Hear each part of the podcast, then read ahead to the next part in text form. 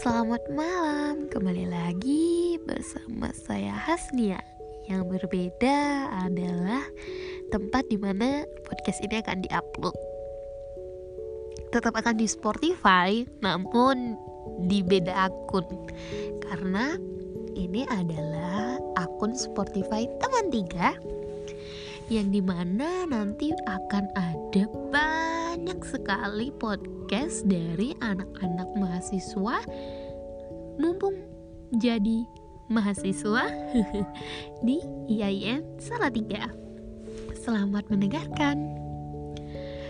Oke, kali ini saya akan berbicara tentang rasa insecure yang di mana kita nggak percaya diri sama kapasitas ilmu dalam diri kita. Kita merasa ketinggalan, kita merasa nggak berguna, kita merasa nggak bermanfaat. Terus kita bingung harus gimana. Ketika kita sedang merasa yang seperti itu,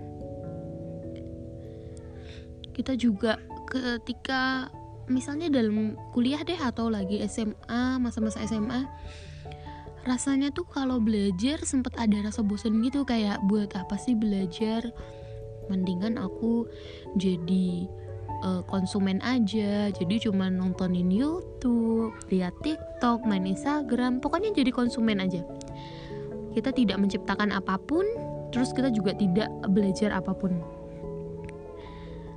Ada ilmunya di TikTok di YouTube ada ilmunya tapi pasti lebih banyak hiburan gitu. Oke, sebenarnya nih teman-teman, belajar itu menyenangkan ketika kita merasa tidak tahu apa-apa. Dan belajar itu harus dilakukan setiap saat dan di mana saja, kapan saja. Itu bisa. Oke? Okay? Dari belajar itu adalah salah satu bentuk kita untuk mengembangkan diri kita melalui kompetensi keilmuan kita.